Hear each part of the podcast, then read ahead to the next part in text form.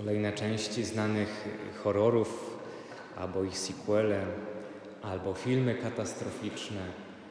One zdają się potwierdzać tezę, że lubimy się bać i że interesują nas takie tematy straszne i tematy związane z końcem. I pewnie to pytanie, które dzisiaj zadali Jezusowi, kiedy mówił o, zbu- o zburzeniu świątyni, kiedy to nastąpi, jest też takim pytaniem, które wiele razy już ludzkość zadawała, myśląc o końcu świata. Kiedy to nastąpi? I wielu z nas, jak tu jesteśmy, zapewne wiele razy już przeżyło koniec świata, w każdym razie ustaloną datę. Bo to miał być rok 2000, taki kolejny milenijny, a potem zgodnie z kalendarzem Majów, a potem pandemia. I wiele, wiele takich różnych było prób ustalenia tej daty.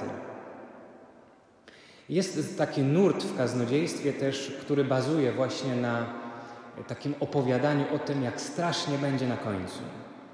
Jakie się będą straszne rzeczy działy, a nawet próbuje dopatrywać się już w dziejących się rzeczach, dziejących się wydarzeniach dzisiaj właśnie takiego początku końca.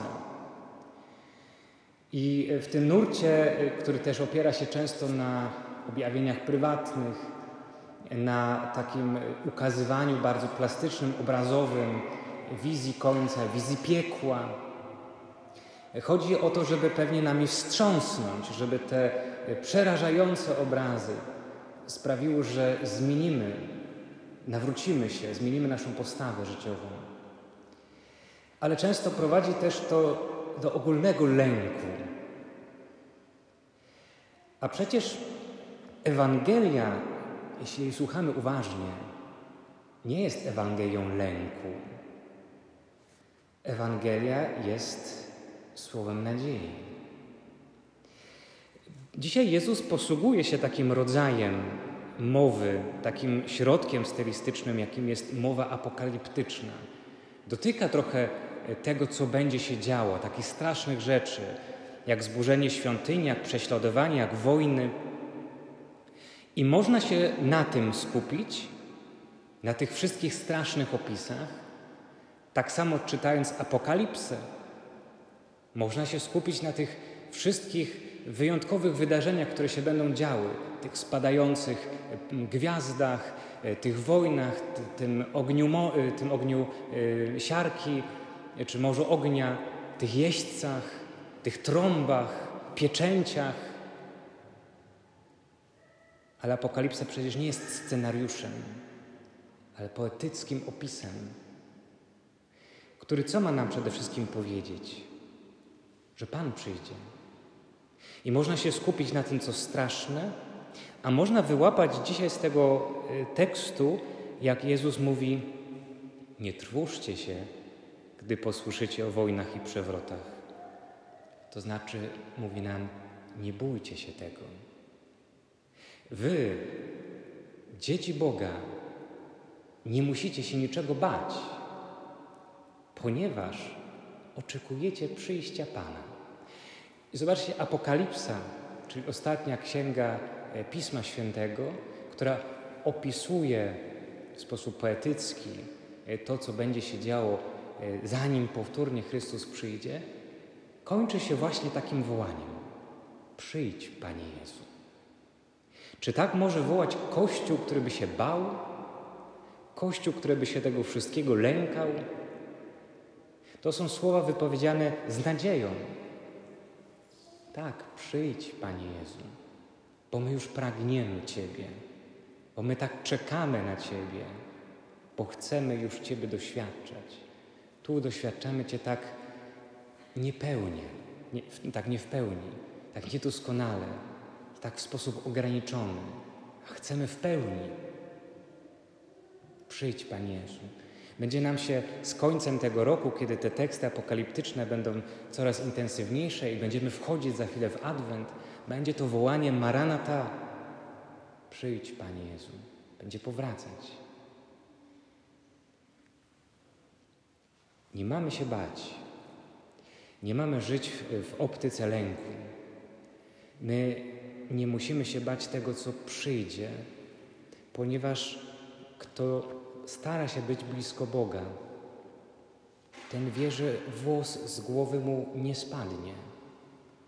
To znaczy, nawet jeśli przyszłoby na niego jakieś trudne doświadczenie albo i śmierć, to Pan w nim życie ocali, życie wieczne. Kościół jest kościołem, jest wspólnotą oczekującą przyjścia Pana Jezusa.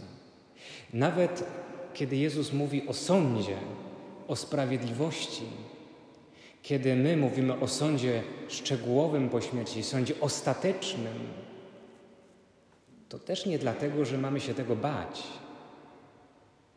Papież Benedykt w encyklice o nadziei mówi, że sąd ostateczny jest miejscem uczenia się nadziei. Nie lęku przed Bogiem, ale nadziei. Że Bóg jest tyleż sprawiedliwy, co miłosierny że On właśnie w optyce sądu dokona tej sprawiedliwości, której często tak na ziemi bardzo pragniemy. I tak bardzo czujemy, że tutaj jest raczej niesprawiedliwość niż sprawiedliwość. Ale też jednocześnie mamy nadzieję, że spojrzy miłosiernym okiem na naszą niesprawiedliwość, którą popełnialiśmy może z naszej ludzkiej ułomności, niekoniecznie ze złej woli.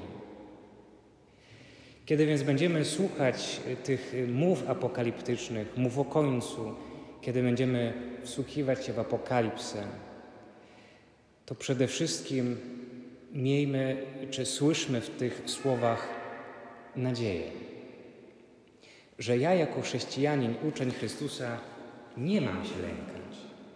Ja mam żyć nadzieją, że żadne doświadczenie życiowe nie musi mnie trwożyć i lękać bo Pan jest blisko. Bo wszystko przecież w moim życiu zmierza do spotkania z Nim. I samo to w sobie powoduje moją radość. I tej radości nie jest w stanie zmącić nic, choćby to był najstraszniejszy kataklizm. Czytajmy słowo Jezusa, słowo Ewangelii zawsze w całości. Nigdy nie wyrywajmy takich fragmentów z, z, z całości. Nawet jeśli mamy mowę apokaliptyczną, to pamiętajmy, że ona nie stanowi odrębnej części, tylko jest częścią całości przesłania ewangelicznego. A przesłanie Ewangelii jest bardzo radosne, jest budzące wiele nadziei, że przecież wszyscy zmierzamy ku życiu wiecznemu, ku zmartwychwstaniu, ku życiu, w którym nie ma w ogóle lęku.